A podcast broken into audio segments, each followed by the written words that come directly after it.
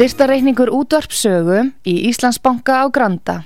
Útubú 513, höfubók 26, reikningur 2.11.11. Nánari upplýsingar á útvarpsaga.is. Takk fyrir stöðningin.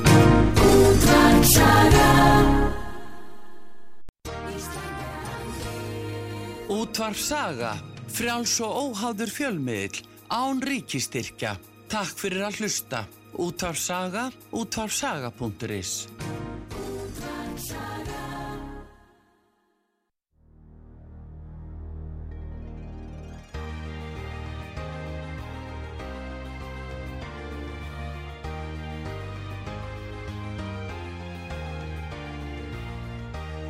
Heimsmálinn í umsjón Pétur Gunnlaugssonar. Fréttir og fréttatengt efni af Erlendum Vettvangi.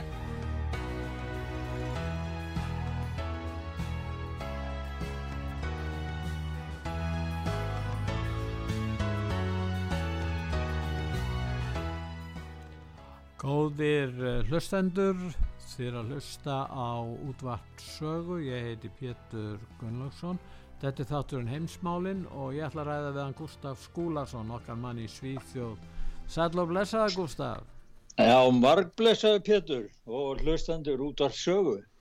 Nú í þessari viku eða 16. janúar til hvað 20. Eh, janúar þá verður uh, fundur í, hjá hérna, World Economic Forum í, í Davos og þar mæta margir helstu leðtóar heimsins akkur ætli margir leðtóar heimsins mæti í Davos ég er áður fyrir þá þurftu menn að mæta í Róm til Pávans nú mæta menn í Davos Já, ah.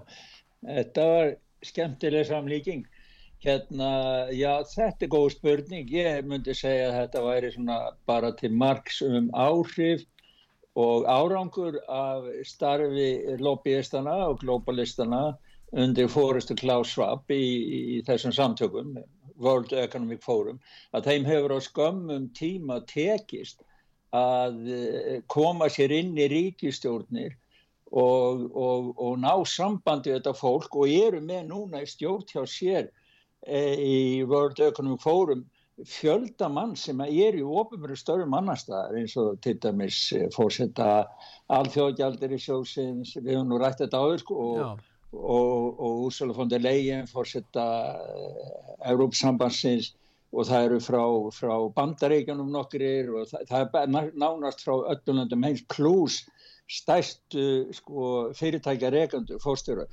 Þeir bjóða, þeir segja sko, þetta stefna sem er núna, hún er haldin undir, undir hérna, yfirsetningunni, undir fyrirsögninni sko, samstarfi í sundruðum heimi og, og þeir eru náttúrulega að leggja á ráðin sko, hvernig, hvernig þeir ætla að halda áfram þessari vegferð sinni að steipa öllu stjórnafari heiminum undir eina allraði stjórn. Það er í raun og verið gett að kalla þetta annað því að það á að sniðganga allar þjóðlega stjórnur og við höfum nú fengið að sjá, eh, fengið svona smá sínusotna í sambandi til dæmis við COVID þegar að, að og eins og það sem að alþjóð helbreyðismála stofnunin er að reyna að gera, hún er að taka yfir og koma bara að verða innvaldur í alþjóð helbreyðismálum allra ríkja á jörðinni.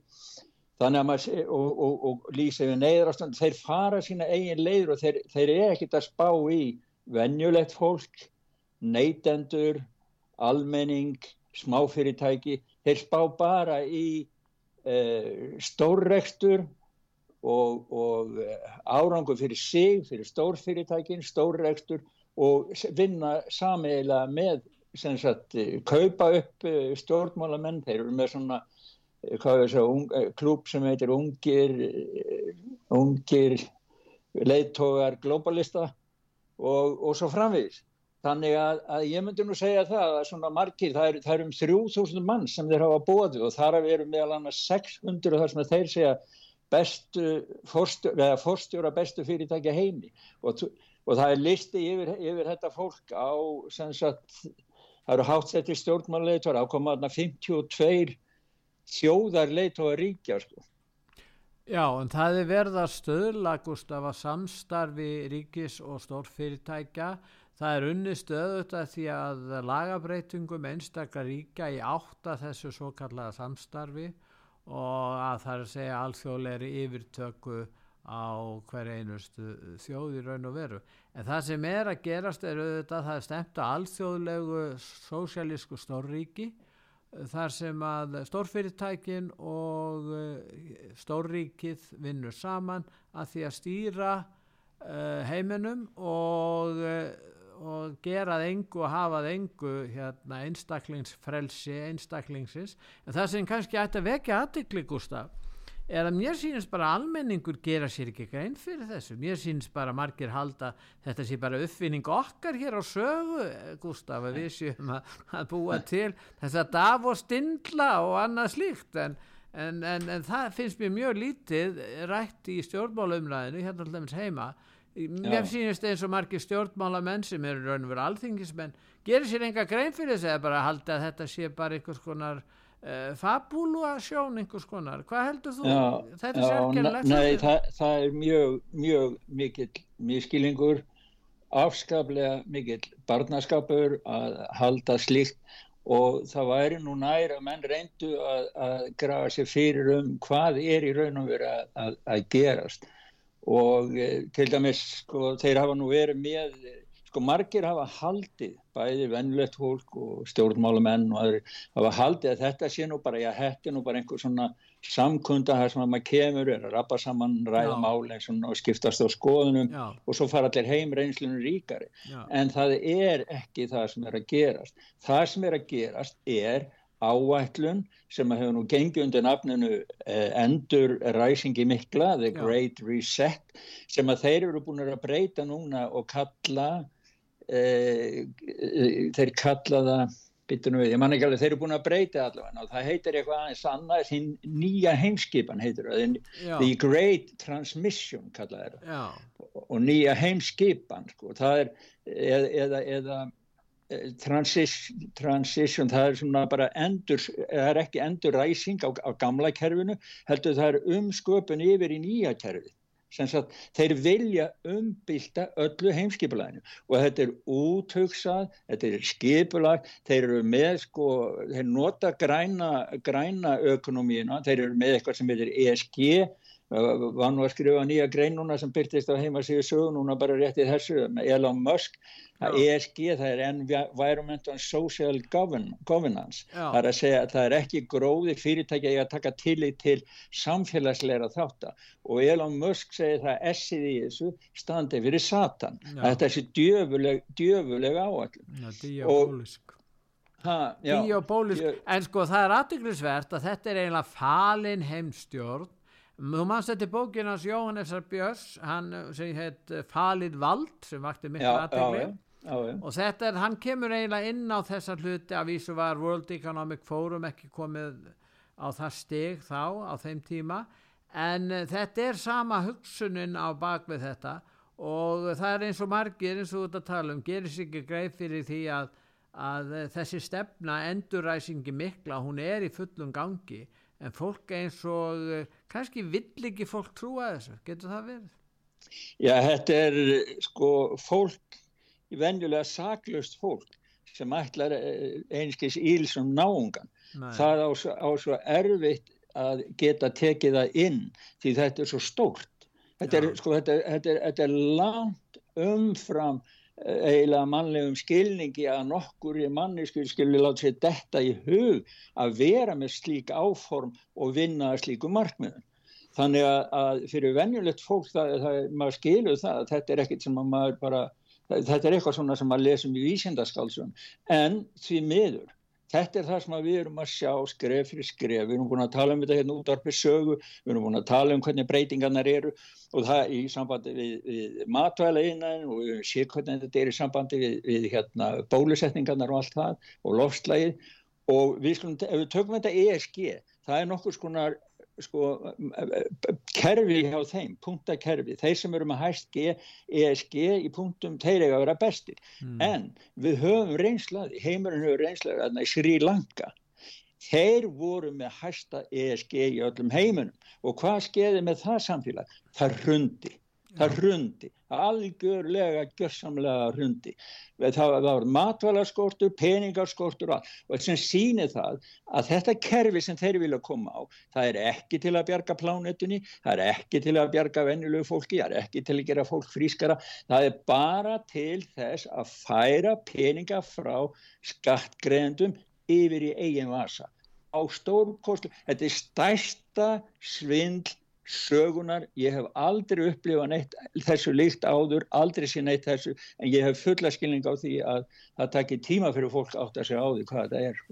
Á ráðstefninu í Davos þá alltaf er að veita vellaun og heiðra þá sem hafa unni að, að lofslagsbreytingum og þau bera heitið Crystal Awards Ceremony eða altså Crystal vellaunin og hátíðarhöldi kringum það þannig að þetta er orðið svona þetta er að blanda saman svona Hollywood Oscar-vellaun og, og svona og pólitískri samruna fyrirtækja, stórfyrirtækja og, og þjóðríkja.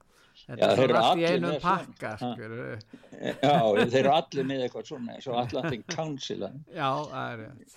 En eigum við að hlusta á einn hljóðbút hérna? Já, já gerum það, með Malone. Já Nation state is an obsolete idea, and we have to have a one world government that is basically a fusion of the interests of corporations and politics, global politics. And we got to start by finding out who they are, voting them out of office, making sure they are not part of our government. We've got to out these people, and if they're globalists, they got to get out. We got to get rid of them we got to take back ownership of our country. If you believe in the Constitution, if you believe in the principles of free speech and personal autonomy, medical autonomy, and autonomy at every level, other level, you know, or your children are going to live in basically a techno fascism for the rest of their natural lives. Já, hann er náttúrulega á það að þeir í Davos á sem svo úrælt fyrirbæri. Og, og hann endur tekur það sem við höfum verið að segja háðan um, um þetta og hann hvetur fólk til að vakna til vitundar um það að, að uh, framtíðin mun þá uh, falla uh, þessi nýja framtíð mun falla í skaut afkomenda nú lifandi fólks og mun hafa í förmið sér sko viðtakar breytingar Já og hann hvetur sem sagt fólk til að, að ekki kjósa þá sem eru yfirlýstir svona alþjóðasinnar eða vilja fjela valdið, framselja vald einstakra ríkja í hendur alþjóðastofnana sko. En, en þetta með, já. það er eitt aðna mála sem er í pisli hérna á vefsíðun okkar, það er jarðarbúar eiga að búa í raun og vera mjög litlu svæð í borgunum og í Oxford það í Brellandi þá er búið að innleiða eða skrásetja eða stefna að tillögum um slíka breytingar og menn eiga nú erfitt með að trúa þessu en hún mm, hérna Þetta er í áallum þeirra sko Já. og það byrjaði að framkama þetta okay. bæði París í Fraklandi og Breskaborgin Oxford og við erum með hljópand með henni rosalegri góð Kathy Hopkins Já, hún er mjög góð, hún er svo skil og hún var svo nextluð þegar hún var að fara yfir þessa áallun Oxford borgar. Og það er myndað sem útskýrið þetta. En hlustum kannski á hana, hana. Svo, endilega. The plan is in Oxford, and this has just been passed by the council, to divide the city into six parts. And you will only have the freedom to operate in the part that you live. The idea is that everybody will live within 15 minutes of the things they need 15 minutes of a school, 15 minutes of a doctor's, 15 minutes of a supermarket. And if you want to travel to the other zones in your city, or maybe soon your town, you will have to go out an approved route, you will have to journey around the outside of the city in order to re enter another section of the city. This plan is supposed to be saving the planet. Já, þú byrðir í raun og veru e, á svæði þar sem er kannski 15 mínútur sem þú hefur til þess að fullnæga þörfið þínum, annars þarf þetta að byggja um umsók til þess að fara annað Uh, eins og segir þetta er mjög skýrt hjá henni en ég held að margir eigi erfitt með að trúa því að það sé búið að samþykja þetta að borgarstjórnir í Oxford að skipta bænum í sex hluta og undirbúa þessa breytingun Rare, þessi frétt kemur frá Rare Foundation í bandaríkunum og að Oxford borg hefur tilkynnt að hún muni skipta Oxford í 15 mínúna hverfi Já. eða litla 15 mínúna bæi sem taldir eru grætni, hreitni og öryggari Já. Og, og eh, þannig að þetta er ekki neitt sem að hvorki ég niður þú erum að búa til þetta er ekki neitt sem er bara Nei, eitthvað en ég meina sko, Já. það, er, þetta er svo fjárstæðukent hvað þeir bera fram. Einn helsti sko kosturinn fyrir þá er að tillögur þeir eru svo fjárstæðukendar að það trúir þessu, menn trúa þessu ekki og þar með geta þeir unni að þessum tillögum að menn berjist og rýsa upp gegn þeim því að það trúir enginn að menn geti verið svona hrokafullur og ósýtnir að innlega svona tillögur.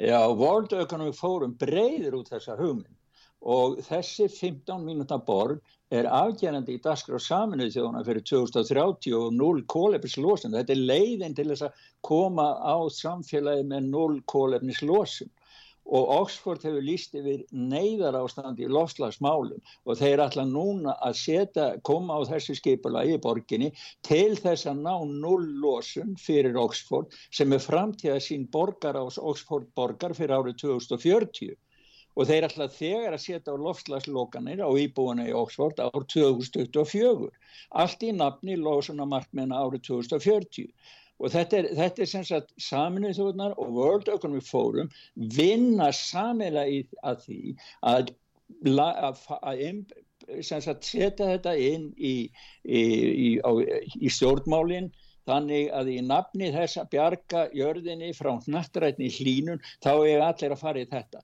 en hvað þýðir þetta fyrir íbúana? Jú það þýðir það sko, maður, sko hugmyndinu svo, maður á að hafa 15 mínú til alls sem er þarf, bæði útvistasvæði, skóla, lækna, búðir og allt sem að maður þarf í lífinu.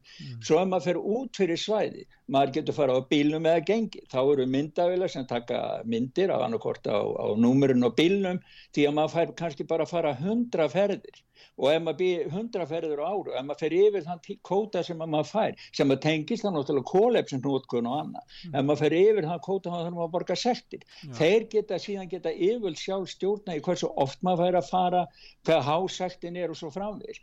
Og ef að móðum hans býr hinum, ef mamma býr hinum einn í næsta hverfi, ekki sama, sama són og ég, heldur ég hinum megin við götuna, þá má ég ekki lappi við götuna til hennar, ég verð að fara út um mínu són, keira hringin í kringu borgin og fara inn í hennar són til þess að, sko þetta er, þetta er svo gæðveikislegt, já, Þetta er það. Herðu, eigum við ekki að hérna fara, við getum farið og hérna farið yfir í COVID-fréttinnar og Já. það er svolítið aðteglisvert út af þessu nýja COVID-afbrigði sem mér finnst ekki hafa verið greint nægilega vel frá og það ber heitið XBB eh, 1,5 já, þetta, þetta afbrigði heil, og þeir segja að það sé engin bólefni til gegn þessu. Það hafi ekki verið hönnu bólefni gegn þessu en eh, og það virki ekki ekki gömlu bólefnin heldur en samt eigi fólk að láta bólusetja sig ég er ekki alveg að ná þessu sko. Það sem er svo skrítið við það að þeir hvetja fólk til að bólusita sig er Já. það að heilbríðsjöfuldi New York þeir hafa upplýst almenningu um það að nýja COVID-afbryðið, þetta XBB 1,5 er líklega til að smita bólusett fólk og uh, það, þetta er mest smitandi afbryðið fram að þessu segja þeir en hins vegar segja að það sé ekki svo, svo hættulegt uh, flestum en, en, en samt eru að fara fram og þó er upplýsað að það sé líklega til að smita þá sem eru bólusetti. Þetta er alveg stórförður. já þá er það allt í einu hættulegt og jafnvel getur valdið döðsföllu væntanlega. Mm.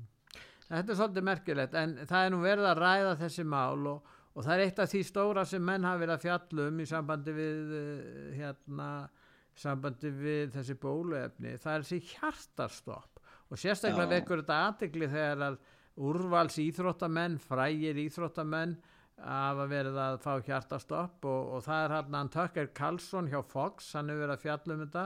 Og hann nefnir töluna 1500 frægir eða úrvals íþróttamenn hafi fengið hjartastopp og þriðjungu þeirra hafi dáið Já. þetta eru svakalega Sko, sko, tölur. já og þetta er samanbyrðið Pétur, hann er að bera saman fyrir og eftir, til, fyrir og eftir bólefnið mRNA. Við segjum bólefni en þetta er eiginlega altså, gena meðferð. Þetta er eiginlega ekki bólefni, þetta er mRNA. Fyrir mRNA þá var árs, ég skilst að þetta gildi fyrir bandaríkin, þá, þá var svona venjulegt meðal ársdauði friskra uh, úrvals íþróttamanna í hjartastoppi eða vegna hjarta áfalls um 30 manns á ári.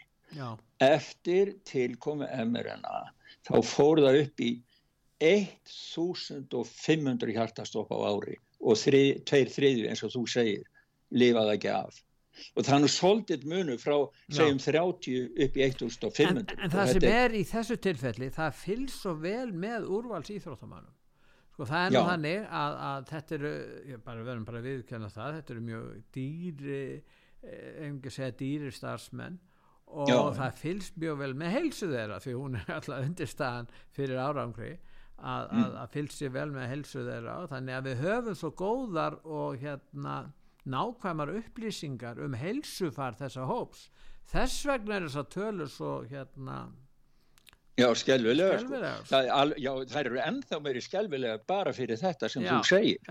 Pe Petur, hann var, Tryggvi Karlsson var með, tók viðtaflega Peter McCulloch sem að rannsaka þetta á sem öðrum, öðrum vísindamanni. Já, já. Og, já, ef við erum sjá hvað takkar segir um þetta. Já. Young athletes collapsing on the field of heart problems. And there has been a dramatic increase in this. You're not imagining it. So what is this? Cardiologist Peter McCullough and researcher Pangus Polycritus looked into this trend in Europe, European sports leagues.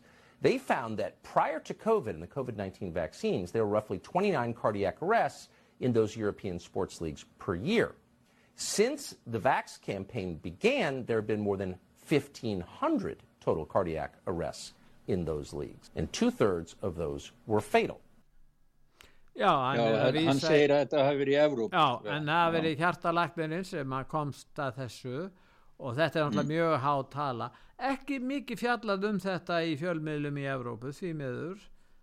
Já og til og með sko sumar eins og AP fréttastofan það bara ráðist á þetta og verið að gera lítið úr þessu og segja þetta sé ekki vísindum en þetta sé ekki raunverulega rannsóknir. Sko í staðin fyrir að hlusta og ræða þetta og rannsakamáli, aðtóamáli þá bara byrja að ráðast á og gera lítið úr þeim vísindamönnum og rannsóknumönnum sem er að vinna í, í einlægni að því að grafa fram sannleika málsins Það, það er, sko, er einkenni margra þessara helstu fjölmiðla í heiminum að, að vera bara í einelti akkvært þeim sem eru að koma með upplýsingar til almennings. Nú dánartíðinni, hún er nokkuð jöfn á friðartímum og uh, það hefur verið náttúrulega borðið saman dánartíðinni í 50 ár, halva öll, þá kemur í ljós og, og þetta er hægt að telja, það er hægt að fylgja þessu eftir, það er hægt að mæla þetta Gustaf Já. það er gríðarleg umfram dánatíðinni árið 2022 á síðast ári við veitum ekki hvernig þetta er náttúrulega verður en þetta er einn versta tala í halva öll og, og hver er þá skýringin á því?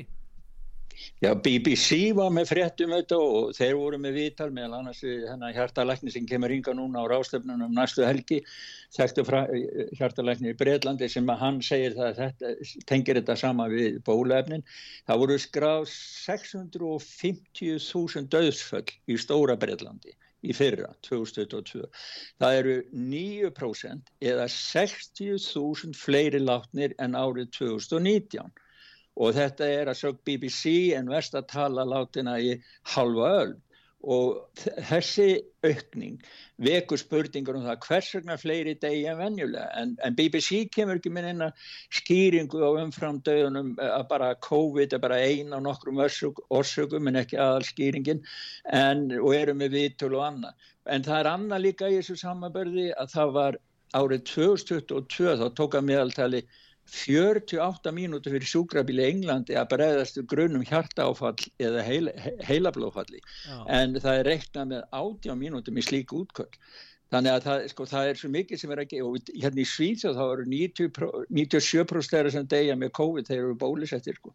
þannig að þetta er eitt, ein af þessum sko, þetta eru bara staðrindir og, og sem eru skelvilegar skelvilega fréttir að hvað er að gerast og það er alltaf að koma meir og meiri svona frettir og ef að, ef að sko, það er ekki hægt að loka augunum fyrir, fyrir þessu. Það er hlítur að vera sko, fyrir og eftir bólefnið fyrir að verða jafnvel þýðinga meiri heldur um fyrir og eftir COVID. Já, Já, já. Það ætti einlega miða tímatalið okkar við þetta. Mm, já, ef að, ef að við vitum ekki hver útkomin er. Nei. Við sjáum bara núna 2022. Hver verður útkomin eftir 2023? Og, og á að halda áfram að, að, að hlusta ekki á sístakkandi skara, lækna, vísindamanna, fræðimanna sem allir er að þessu og, og, og benda á, á, á lifið eða, eða það sem við kallum bólefni það, það, það, sko, þá verð, verður eitthvað sem gefur eftir og verður einhver átökir sambandi við það. Og, en, og manni líst nú ekki á það því að, því að það má allavega orði gaggrín eða ræða þessi mál því að maður sér til dæmis eins og í Breitlandi bara fyrir það að það var einn ein, eh, þingmaður í íhalsflokknunar að hann eh, skrifaði á, á Twitter hafði það eftir hjartalækninu sínum sem að sagði við hann að þetta væri stærsti glæpur gegn mannkíni eftir helfurina já. og hann setti þetta í týst og veistu hvað var gert við hann? Hann var reygin en, en sko var... þessi, þessi þingbæðar heitir Andrew Bridgen og ég var að horfa á skæstöðina Já. og þeir komuð þarna fram einhverjir hálitskjafar og rifans í tællur alveg sama hann, hérna, hann er það sem hann er kallað back, backbencher hann er svona í hópi þeirra þingmanna sem eru sko eru nánar í tengslu við þennan uppröðulega hugmyndafræði í allflokksins og vilja verja það skiluru Já, og, og hann hefur oft gaggrín kerfið. Hann, hann gaggrindi vildi að David Cameron segði af sér og maður Theresa May og, og hann hefur gaggriðt yfirstjórnina og það fyrir eitthvað í töðan á sumum álitskjöðum þarna. Og hann með þeir tætt hann svolítið í sig og rifan þannig niður. Þannig að hann á ekki uh, hérna rólega daga framundan blessaður þessi Andrew Bridgen. En eins og segir, hann segir þetta og heldur þessu fram. Og þá verður allt vittlust í flokknum. Já og, og uh, nýji hérna, fórsættisráður nýji flokksformar Já, já, hann, hann, hann held þrjumuræð og þingjun og sagði já þetta er alveg svakalegt að það hefur bara verið að ráðast á geðinga og annað, þú veist.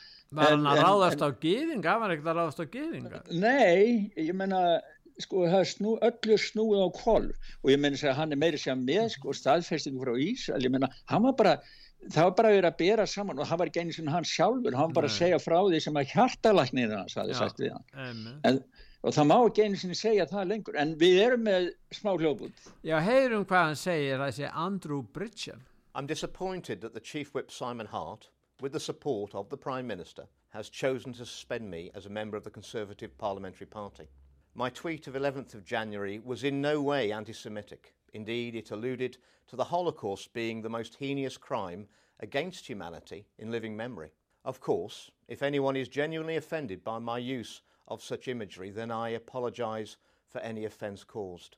I wholeheartedly refute any suggestions that I am racist, and currently I'm speaking to a legal team who will commence action against those who have led the calls suggesting that I am. Indeed, the Israeli doctor I quoted in my tweet has stated that there was nothing at all anti Semitic about the statement. I was saddened to hear yesterday of my suspension. Reasonable questions about the safety and effectiveness of mRNA vaccines must continue to be asked, and I will continue to ask them. If I cannot do that as a Conservative Member of Parliament, then so be it. Highlighting these important questions, questions about life, death, serious injury, must override party loyalty. Já, hann hafnar því afdráttalöst að hann hafi, sé geðingahattari eða gerð sekunum slikt og vísar í þennan lakni frá Ísrael sem að í raun og veru hann var að vísa til í þessu máli auk þess sem að hann hérna gaggrínir yfirstjórn uh, flokksins og það verði að fjalla um þessi livjamál með áræðanlegum hætti. Þannig að, uh, mér fannst nú þessi svona hann, hann skýri þetta ágætlega út af fyrir sig og, og hann er nokkuð samfærandi en ég tók sérstaklega eftir því Gustaf sko ja. skæstöðin, maður sé nú svona ímislegt hjá BBC en, en þeir eru svona hjá, hjá þar líka. Þeir, þeir eru þeir eru mjög gaggrínir á þá stjórnmálamenn sem að leifa sér að fara svona einhvern veginn ótróðna slóður eins og þessi hefur gert í mörgum öðrum málum. Ég er ekki að segja endilega í þessu aðrið Já, neða bara sýnir sko hversu sko þegar að stjórnmálamæður eins og hann sem er meðlumur á þinginu í Breitlandi að, að hann er með spurningar gagvart bólefninu mm. þá er hann bara rekin úr flokknum. Sko það verið það er á mörgum stöðum búið að breyta lögum í sambandi við hatursumræðu, hatursorð og hatursræðu ah. og þá er virðist vera að það eigi að flokkast undir hatursumræðu að gaggrina bólöfnin eða að koma með brot að brot úr sannleikunum um aflegangarnar af, af þessu svo kallaða bólöfni sem er í gangi og þá sjáum við þarna er ríkisvaldinu beitt til hagspóta fyrir livja framlegandan sem að tókst að fá ríkislötunar til þess að lýsa yfir neyðarafstandi og útiloka keppi liv sem að hefur geta bjarga lífi földa fólks Já. þannig að sko þetta er þetta er, svo, þetta er ekki líðræðislegt þetta er anstæði líðræðisins og þetta er það sem að margir skilgreina sem fasisma, svona samstarf En, en þetta hefur gerst á Íslandi Ívermektin til dæmis var ekki leift síðan hafa er svona já, gefið í skinn að það sé í lægi en það kostar svo mikið að þeir eru búin einhverja útilokka að menn geti nýtt sér það. Og af hverju gera er það? Þetta lif hefur alltaf verið leift Já, þetta er að ha. ráðum sko livja framlegin, það verður að verja það bara, það bara stjórnmálinn eru farin að vinna fyrir viss fyrirtæki. Já, það er, það er World Economic Forum það sinni sko mynd. E já. Já, já, þarna sjáum við. Sjáum við þetta alveg svart að kvítu.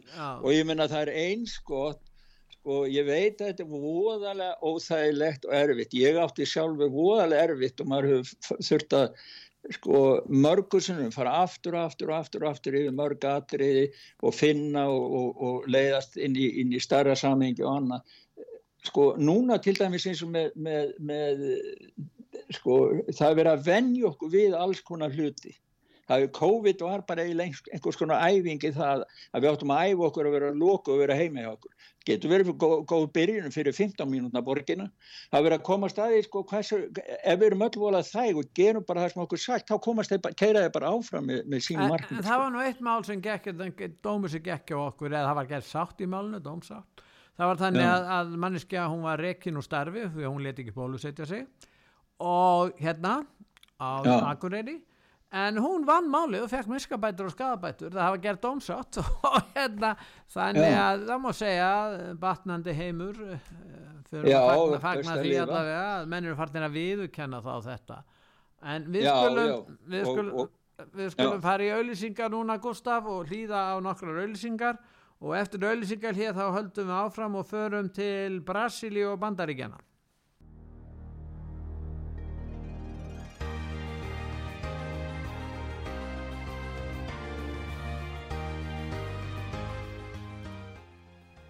Góðir uh, hlustendur, þeir að hlusta á heimsmálinn.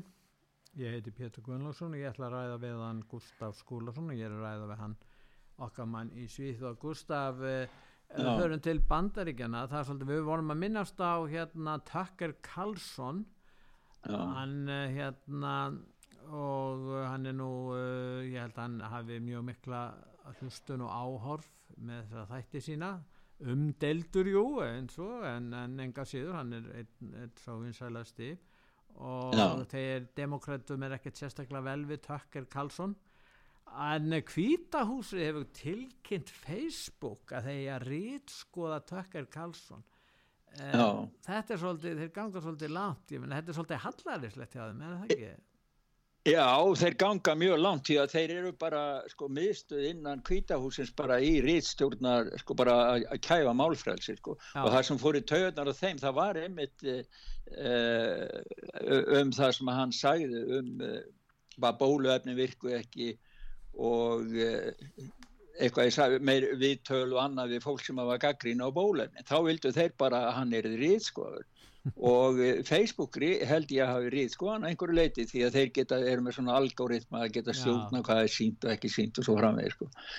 En svo, svo sko það sem er að skilja í bandareikunum þar fyrir, þar utan það er náttúrulega þessi skandal Nei. ég veit ekki hvað Leiniskjölin Já, já Leiniskjölin, já. já. Leini, leiniskjala fargani sko, það ég var að lesa núna nýlega sko, þeir eru búin að byrta sko þróununa frá fjóruða hvernig þetta var, það var 60 fyrir kostingarnar Já, í, í annar, þeir, þeir vissum þetta annan nóvumber Já, kostningarna voru 8. nóvumber þannig ef þeir hefðu byrst þessi leyniskjöl eins og þeir gerðu varðandi þetta Trump-máli þarna í Flórida þeir Já. voru búin að byrta og senda lörgruna þangar reyndar og, og, og, Já, og já. vopnaðar sérsveitir. Já, heimilega sem en, já, en, en þarna vissuður um þetta en þeir leyndu þessu en þetta, það er alltaf að koma fram ný og ný skjöl. Það sem ég finnst svolítið einkennilegt að í þessum bílskúr hann geymdi skjölin í bílskúrnum. Já, og já, ég meina maður geymir nú yfir eitt rassl í bílskúr sko Já, þeir, þetta hefur verið rosalega mikið rætt á, á, á stórum fjölmjölum eins og CNN og fleiri stöðum sko, því að mynda, það er sínt mynda bætin þar sem er að bakkinni bílskjöfum og það sést bara drasl sko. Eins og maður, flestir hafa svona eitthvað drasl. Það eru bara kassar og föt og alls svona drasl í hrú þarna sem að bakka bílum minn en þegar, þegar hann var spurður að þessu bætin þá var hann, já, já en, en þetta er læstu bílskur Já, hann elskaði bílinn sinn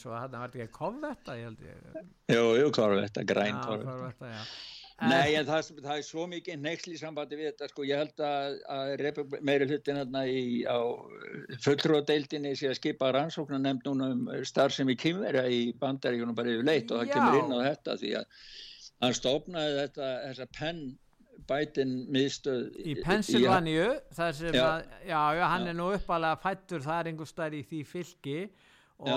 þú manst þú þetta baróttunni hann um öldungadelda þingsæti sem reið, sko, reið úslitum um það að, að en það sem að var, hann, hann, repúblikanar. þetta eftir að hann er búin að ákveða að fara í frambúð til, til hérna, fórseta og það er ekkit annað en það er bara dælast inn þannig týjir miljóna dollara frá Kína 50 Og þetta- miljón dollarar leikur fyrir komu frá Já. Kína í Já. þessa stopnun og þar var um einhverja skrifstofu þar sem voru leyniskjöl og þar voru leyniskjöl Já. og sko, og þeir eru búin að finna leyniskjöl já, inn á heimilunans Já. í bílskúrdum hans og það eru enn að koma tilkynningar um að þeir finna he, he, hérna, ennþá fleiri leyniskjöl og það er náttúrulega eitt í þessu sem var að fórsetið þá hefur hann ekkert leiði til þess að vera með leyniskjöl fórseta, bara fórsetið sem má hafa þetta og þannig að þetta er allt kól ólöglegt hjá honum sko. Ja, hann getur að vísu verið kannski með leyniskjöl en hann getur ekki sko haft sama vald og fósitt og ákveð þetta sé ekki leyniskjöl. Trump segir Já, þetta voru ekki leyniskjöl ég hafði bara ákveðið sem fósitti að, að hérna að telja þetta ekki vera leyniskjöl. Já. og, Og það var- já, þannig að hann var- er, svona, er, að, er að komast hjá því. En, en þetta, þeir verður þetta taka á þessu máli eins og þeir gerðu í þessu Trump-máli og, og, og, og, leita eftir. En einn spurning samt sem að mér finnst að hafi ekki verið svarað á tímabili bjó maður sem heitir Hunter uh, Biden svona sem að menn hafa verið náttúrulega svolítið fjallum hann bjóð þarna heima hjá pappa sínum pappa og mömmu. Og hafði hann eh, líkil að þessum bílskur hvernig er það? Já, já með að við, með að við hvað, það sem maður bara hefur séð sem að hvernig hann er, ég menna Já, ég meina, hann var náttúrulega í tengslu við ymsa, ég meina, maður veit ekki Já, ég menna þá það er verið að rannsaka hann, skilur eftir þarna, tölvuna frá helvíti og allt það, sko, það er, það er í gangi mál, rannsóknarmál yfir honum og vegna alla peningana sem hann hefur fengið. Já, en ef Var- hann getur selt leyniskjöl, ef hann hefur aðgang að leyniskjölum, Já, getur- getur bara tekið ljósrit að þeim eða hvernig sem er, ég meina, við vitum, ég, við vitum um það, það er að koma í ljós, en, en það lítur að vak- vakna, vakna spurningar hvort að þessi maður og sonur fósitans hafi haft uh, likla að þessu bílskur og mér þætti það nú ekki ólíklegt. Það var, sko, það vakti, mér, mér fannst það svolítið aðdeklisvert að bæði Trump og Edward Snowden í sitt hverju lægi settu fram, fram sömu spurninguna til dómsmálaráðnitsins á hverju þeir hefðu ekki byrt þetta þegar þeir fengu skjölin. Það er svo mikill greinilega s- sori og svindl í gangi í sambandi við þetta allt saman. En núna er búið að skipa, ég held að dómsmálaráðherrin hafi skipað, bandaríkjana hafi skipað Robert Hur sem sett hann saksóknar til að rannsaka þetta skjalanhegsli. En maður veit ekki, sko, þeir, þetta er svo pólitískt bundið og þá fara þeir sjálfsagt í samninga bara við republikanana, sko. Því mið, miður, þannig að maður veit ekki hvernig þetta fer allt saman. Nei, í Brasilíu hefur nú sko maður í Brasilíu, frá Brasilíu vikunni hafa eiginlega gengið út á það að Bolsonaro, þessi fyrirverandi fósiti, hafi raun og veru staðið á bak við sko ofbeldis uh, hérna fjöldafundi og, og, og uh, mótmæli. Hann Já, neitaði því, hann neitaði því strax að hann, hann mótmælti því að vera verið að beita ofbeldi sagði hann það frá hérna, Flórida en enga síður þá segja er þetta þannig að, alþjóðlegu fjölmiðlarnir voru alltaf á mótónum, þá kannski segja það. Þeir töldu skoðanakannir sögðu að, að Lula þessi fengi 20% meira fylgi, hann fekk það nú ekki hann fekk innan við 1% meira fylgi en uh, síðan hefur komið í ljós að Biden stjórnin sendi embættismenn uh, til Já. Brasilíu og síðan hafa náttúrulega Lula uh, talað um miklu betra samstarf við Kína og það er ímislegt miklu svo breytingar í þessu langstæsta og öflugasta ríki Suður Ameríku út af þessum breytingum Já, maður þarf ekkit að vera hissa á því að maður spyr sér sko allir peningarnir sem bætin hefur fengið þegar, þegar hann gerir samning við Xi Jinping e, sem hann grínast með og, og, og, og sagði kannski hjálpar Xi Jinping mér að verða fórsett í bandaríkjum hann gerir grín með, grí- grín að því. En ég menna hann er kannski að borga fyrir tilbaka því að hann sendi CIA embættismenn og aðra til þess að hóta öllum stuðnisaðilum og inn í valdakerfinu og til og með inn í hernum í Brasilíu. Ef að, ef að þeir sko, myndi fara áfram þá leið sem að Bo- Bolsonaro vildi fara. Og það getur verið að það hafi haft áhrif á afstöðu hersins núna í sambandi við eh, öll þessi átök sem eru herrin mun ekki skipta sig. Herrin stóð með Lula. Ég meina, sko, ég tók eftir því að fósittisráð þegar Íslands fór eitthvað að gaggrína og fordæma þetta á samt einhverjum öðrum uh, leðtóum, þjóðaleðtóum en málið bara var það að, að bæði herrin og lörglan uh, voru ekkert að gera neina tilraun til valdarans. Og ég skil ekki þessari yfirlýsingar frá, frá, frá, frá þetta er bara tilbúin. þetta er, þetta er sama aðferðin og þeir nota gagvar Trump. Uppreisna sinni móti liðræðinu er bara að æsa upp og allar að taka völdin. Það er algjörlega strikað yfir alla söguna allt sem er á bakvið og alveg hvernig maður vinnur það er engin, engin séns gefin þar. Og þetta, og þetta náttúrulega er algjörlega í anstöðu við það sem að Bolsonaro og hans stuðningsmenn hafa gert. Það eru myndir af því að stuðningsmenn hafa verið þeir afvopnuðu menn því að það voru stuðningsmenn Lula og svona Antifa og, og, og vinstir óverðasekki sem laumuðu sér inn í raðir mótmælenda og fóru að byrja að brjóta og bramla og voru meiri sem með vopn. Og það eru myndir af því þegar stuðningsmenn En- Bolsonaro og engin- afvopnuðu það var engin þessa aðila og létu mótmælum. lögreglunum fá það. Var ekki drepi en sko þeir eru með í fjölmiðlunum. Ég tók eftir þessu. Bæði í bandarísku fjölmiðlunum frönsku víðar, þeir eru með samanburð. Þeir eru með myndir frá 7. janúar Washington eh, hérna þingus árásinni eins og þeir kalla hana og þetta sem skeiði í Brasil höfuborg Brasilíu. Þeir bera þetta saman og segja þetta sé á sömu kvötum sömu öflin á bakvið þetta og sama aðferðin og markmiðið því sama að ná völdum. En auðvitað gátu þessir óvöfnu aðalaldri náð völdum þó þeir væru að mótmæla þarna fyrir fram að þessar Nei, nei, hérna, og það, og, og það er verið að ljúa svona upp á því að Bolsonaro, hann kom einu sinn út og talaði við fjöldan, hann held hér inni og þá baði hann bæn með fjöldan og hann hefur aldrei Já, hann var komin til, til Flórida þegar þessir atbyrðu gerðist Já, þegar þessar atbyrð skerði, en, en hann fór út áður sko, eftir Já. 40 daga frá kostningunum sko. Talaði við fólki, en þá var hann var ekkert og þvert á móti þá hvart hann til stillingar og, og sagði að maður ætti að mótmæla á friðsamlegan hátt. Þannig að þetta er tóma ligar, en við eigum eftir að fá að sjá ef þessi braut heldur áfram og Lúla getur stjórnar þessu áfram, þeir eru að breyta allar breyta Brasilíu, þetta er, er þeir fá Kína með aðgang að Latín-Ameríku í gegnum Brasilíu. Það er samt mjög vafa sko, það er náttúrulega, þetta er fylgis, fylgisstjórnin þarna líka og, og Lúla getur ekkert stjórnað öllu eins og hann vill, þetta er, þetta er, það er já. valdadreifing þarna, en það er alveg rétt að það hefur átt sér stað breyting í stjórnarfæri og, og ymsið svona til vinstri hafa náð völdum en það eru svona populískir flokkar myndu verið kallar þannig að það hafa ímist populista til hægri eða vinstri náð völdum þarna á þessu svæði.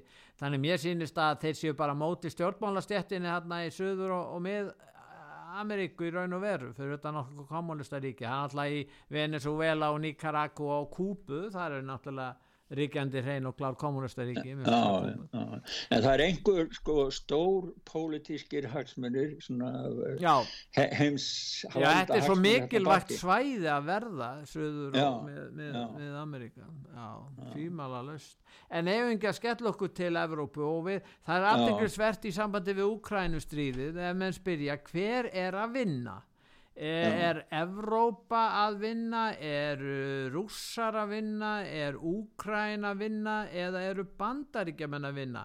Orban, Viktor Orban segir að það séu fyrst og fremst bandaríkjaman sem eru að vinna, Evrópa að tapa og rússarnir eru hvorki að tapa en ég vinna. Þetta er svona hans mat á þessu. Hvað segir þú um þetta? Já, segir, Orban segir að Rúsland verði valla fyrir neikvæðum efnar sem áhrifum. Það, við höfum rætt um það, það er komið í ljós að þeir hafa fengið sterkari efnahagslega áhrif og það núna er að bera sögur um það að þeir alltaf sniðganga, það er átökum að dollarin, hvort að dollarin haldi áfram sem, sem alþjóða gjaldmiðl. Þeir eru búin að segja þetta lengi.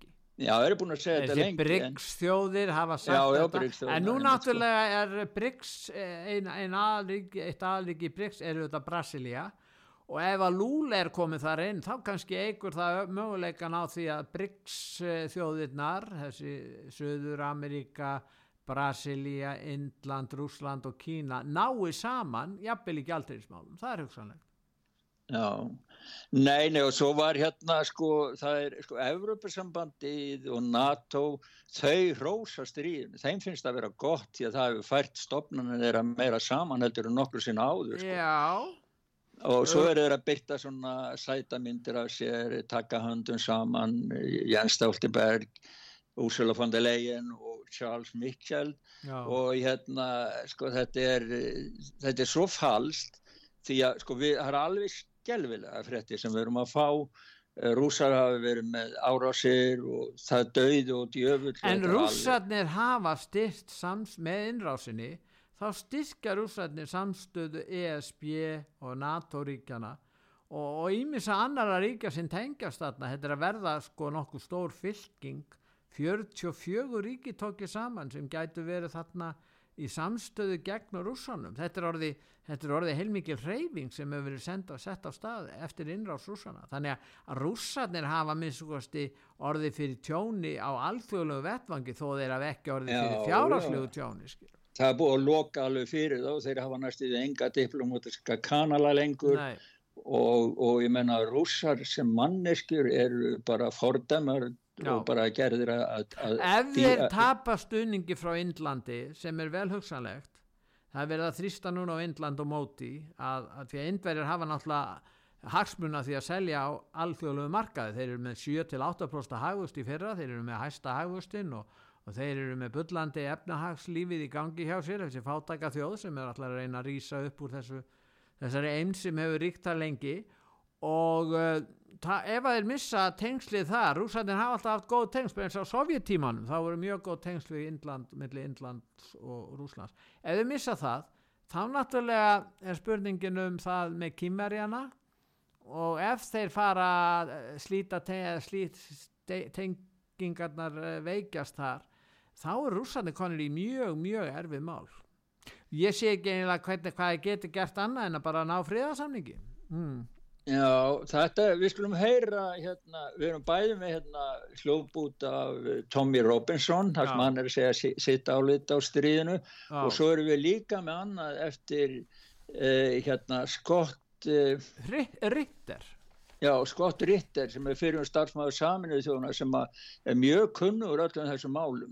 Við ættum að hlusta Hlustum á þessa tvo aðela til þess að fá svona aðeins Einmitt. input frá þeim. Já. Hlustum á það. Stop lying again, Owen. Why I oppose the war right now in Ukraine? Are you, the left, going to leave it to us to bring the people on the streets to demand an end to this war in Ukraine that the Labour Party, the Conservative Party, and every political party in this country is supporting? No, I'm not a Putin stooge. No, I don't support Vladimir Putin. But what I don't support is another mass war, seeing millions of people killed and displaced for the benefit of the global elite. Já, við getum, við getum náttúrulega það sem hann var að segja, hann Robinson er í raun og veru að, að uh, það er ekkert annað heldur en að, uh, að þetta mun leið af sér ennþá meiri þjáningar og, og, og þetta séla byggt á lígum og, og hérna og stríð Vesturlanda. Eh, hann er enda með ennþá meira í þessum pisli sínum á þessa Já, leiðum já, hann, hann ber þetta svolítið saman við sko ára svona á Saddam Hussein þegar Já. þeir sögðu sko og hérna niður frá í miðastu löndum þegar þeir sögðu að það væri þeir væri að koma í veg fyrir notkun efnavopna sem að þeir síðan þurftu að draga tilbaka eftir að hafa búin að drepa fleiri mann skilur þannig að hann, hann, það er eina lí- lí- lígunum sem hann hefur. Hann er gaggrinin á bresku ríkistjórnina í samstarfinu og hann vill ekki fá fjöldastri tilbaka en við heyrum hvað hérna Scott Ritt segir. Ég held að hann finn ekki sko, skottur ritt hérna, Gustaf. Við getum ekki komið með hann á eftir. En það er náttúrulega fleiri sem er að fjalla um þetta eins og fyrir- Scott Ritt er já. Tannan hann ekki, nei ok, já já. En við finnum hann á eftir en Já. það sem að til dæmis uh, fyrirverandi hann uh, Medef Jú, jú, ég er búin að finna núna skottur yttir við, Ok, okay. við skulum hlusta á hann Now, here's the danger because we have people like Jan Stoltenberg and people like you know various American politicians and, uh, and and government officials who have said this is a conflict between NATO and Russia, and they've defined it as an existential conflict. Well, the only side that has an existential stake is Russia. Russia will never allow itself to lose. NATO will lose. The question is, will NATO lose gracefully? Is the is NATO willing to go gently into the good night? Or is NATO going to rage, rage against the dying of the light? And that's the choice. And, and uh, unfortunately, that's where we come down to. If NATO opts to rage, rage against the dying of the light, ladies and gentlemen, it's been a pleasure knowing you. 2023 will be the last year that we're all alive on this planet. Kiss your loved ones goodbye. Do what you need to do. It's over because it will lead to nuclear war. And as Helga said, there are no winners. The only chance for global survival is for NATO to go gracefully, accept the inevitability of its defeat, and find a way to deal with a victorious Russia. And it won't be done through negotiations because NATO is not an organization to be trusted. Russia will no longer be seeking negotiations. Russia will be seeking victory, a victory won on the battlefield. And remember, it wasn't Russia that set that term. It was Jan Stoltenberg who said the only way out of Ukraine is on the battlefield. Já, Já, þetta, Já, er, þetta er svolítið öðruvísi heldur en uh, þessi eh, fagur gali hérna á Vesturlundum þar sem að vera að breyða yfir hann búið nú bara kjarnungur styrjöld eða næðist ekki friður. Ha. Já, og hann meina það, það sé í höndum NATO. Mm. því að hann segir að rússar þeir muna aldrei stoppa. Það, er- það, þetta, þetta komið fram yfir að það, það, er, það er engar umræðu lengur þeir eru búin að sína rússum fram á það að þeir hafa logið þeir, þeir, þeir unna þessu frá, frá sko 2014 þannig að það, þetta er þetta er komið út í algjörar ógöngur og ef að NATO heldur ekki aftur af höndunum þá, þá fer þetta ítla, sko, segir hann. Það er það sem hann segir. Já, en ef við tökum til þess það sem kemur frá Svíþjóð, það er annars vegar að uh, Kristersson, formaði moderata og fórsitisráð þeirra, uh, nú varnamálur á þeirra Svíþjóðar og allir þessi sænsku yfirmenn og svo jafnvel fyrverandi hérna Já, ESB, Evrópusambandsþingmaður, Gunnar já, já. og, og þetta fólk allt saman boðar skilirislausa uppgjöf rúsa. Þeir segja að alveg svo tala verðum í síðari heimstyrjöldinni þeir eru að tala með líka þessu við Hitler það verður að gefa eftir fyrir Hitler það var ekki hægt, skilirislaus uppgjöf og það er þetta sem þeir í raun og veru er að bóða og hitt aðrið varandi Svíþjóð það er að þeir komast ekki inn í NATO og það er þá Erdogan sem að segja nei og þá er farið að ráðast það er einhver dúkka af Erdogan sem hann hengtu fyrir ráðhúsið og það voru náttúrulega auðvitað kurdar sem stóðu fyrir því að þetta er náttúrulega löglegt að byrta mynd af dúkku ég meina að það er ekki ég meina, Svíar þeir eru alveg brjálaðir í Tyrklandi sko, og þeir eru búin að það stóð til að, að fórseti þingsins hérna, talmaðurinn Andreas Norlén, hann færi heimsótt til Tyrklands og ákvaða fyrir löngu síðan því var aflýst sko. Já. þannig að þeir eru ösku íllur og núna er komin tilkynning frá Tyrklandi, hleypum ykkur ekkert ekkert inn sko. þeir, þeir eru þeir kalla bara, sko, hann er greinilega með Erdogan og flokkurinn og Tyrkneska ríki með lista yfir þá sem að þeir kalla anstæðinga sína og vilja bara En þeir bæta alltaf við lista, en þeir eru raun og að segja allir kurdar og þessi verkamannaflokkur kurdar sem fær að starfa í Svíþjóð að hann sé ekkert annað en hriðiverkasamtök og það þarf að Já. loka á þessa aðila algjörlega til þess að svíjar fái heimild frá Tyrkjum að ganga í Evrópusambandið og meðan að það gerist ekki þá verður Finna, Finnland líka öttan Evrópusambandið sem er eiginlega erfiðara fyrir Finna því að þeir þurfa þannig á NATO því þeir eiga landamæri laung landamæri að, að Rúslandi Nei en hann er að fara til núna Erdogan hann er að fara núna til eh, hérna, bandaríkjana Já. og ef að bæting getur múta honum með, með strísflugvilum þá kannski sleppur hann á þessari kröfu sko. því að þeim er voðalega mikið andum að fá bæði svíja og, og finna með sem meðlumir sko. En, en þeir segja, hérna, fyrirverandi, eða núverandi fórsetu öryggisráðs í Rúsland, hann segir það að ef Svíð og, og Finnland komur með í NATO, þá er meir en tvöfaldast landamæri NATO, bein landamæri NATO og Sovjetur að, að Rúslandi Já. og að sjálfsögur verður við að, að, að breyta og, og byggja okkar varnir okkar megin og viljið hafa bara skip siglandi með kjarnorkuvopn og há hljóða flaugar og, og, og vokk bara við, fyrir utan bæjadinnar, segir hann. En í Svíþjóð þá er alltaf vandamál hjá ykkur eins og hér á okkur, það er þessi gífulega verðbólka í Svíþjóð og það er 12,3% í desember. 12,3% og, og ramags og hitakostnaður markfaldaður og svo er hitt atrið líka sem er frá Svíþjóð það er þessi nýja leitói sænska miðflokksins. Hann er, er hann ekki múslimi Muharrem eh, hvað? Já, hann, hann kom frá Tyrklandi sko. Er hann muslimi? Hann, hann er muslimi, já. Hann var mikið viðtal við hann hérna í gæri rækna þess að sko, uppstillinganemdin eða kostninganemdin í miðfloknum leggur hann til og það er engin annan mótframbjöðandi eða neitt og hafa, því að hann er tvöfald dæmdur fyrir að hafa á yngra ára þá skallaðan einhvern og fyrir ofbeldi sko það var voðalega mikið ég bara maður vorkend honum sko en akkur er miðflokkurinn að gera þetta? Hún var Anna hérna sem var á undan. Jú þeir töpuði kostningun sko sem, þeir töpuði nokkrum prósentum og þá vildi hún ekki halda áfram já en akkur þurfa að velja þennan mann? Já það er nú það, það, er nú það. hann sæði það á, á það hefur verið að kýna fram núna alls konar skrif sem hann hefur verið með á samfélagsmiðlum frá fyrir tíma. Hann hefur ráðist á kvítamenn hann segist hata kvítamenn og, og gerði Já. það einhvern tíma. Ég minna að þetta er lengi náengi sem er bett líklegu til þess að að verði sáttum í þessu Nei, flokki. en núna í dag þegar hann spurði í dag eins og hann sagði í gæri í sjóvarpunni hérna, hann sagði bara fyrirgefi mér ég bara var einu svona slæmi maður en gefi manni sjans að verða já, betri maður. Já, já, já, það er gott að en, Kristinn fyrirgefn Kristinn fyrirgefninga vilji hann er svolítið gott að hafa hann fyrir muslimanna en hann, hann skrifa áður og það er það sem hann segir bara svít og verður íslamist sko. hann vil að svít og verður íslamist Erum við getum ekki fara að tala um læknar ástefnun í Stokkólmi sem er núna alveg næstur þú verður þar. Já, ég kannski, við getum talað um það í næstu, viku Við gerum það í næstu viku en við, við höfum smá tíma til þess að, að heyra lægið Já og svo hérna sko þetta lag sko ég var með frétt það er alltaf komað svona frétti nú var að borða jólatrið Já.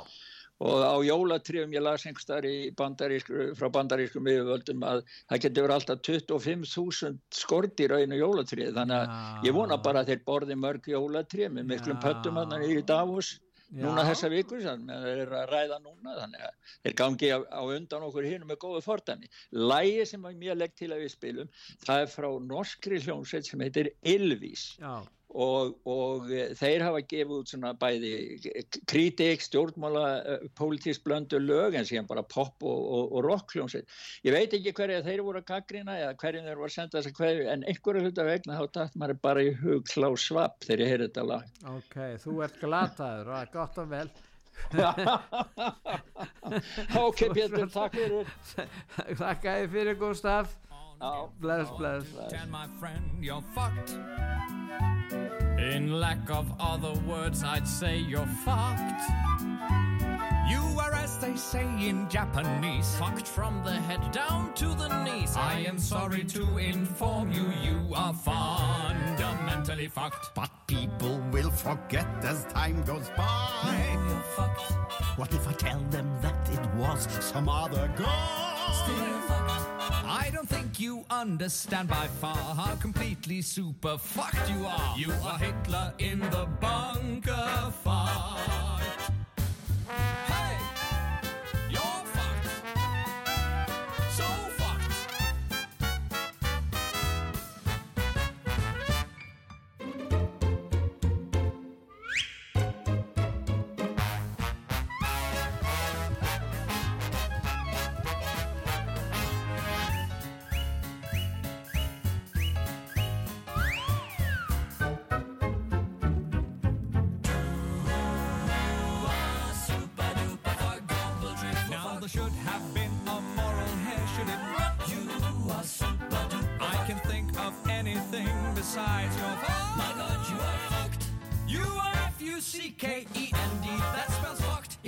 Fuck.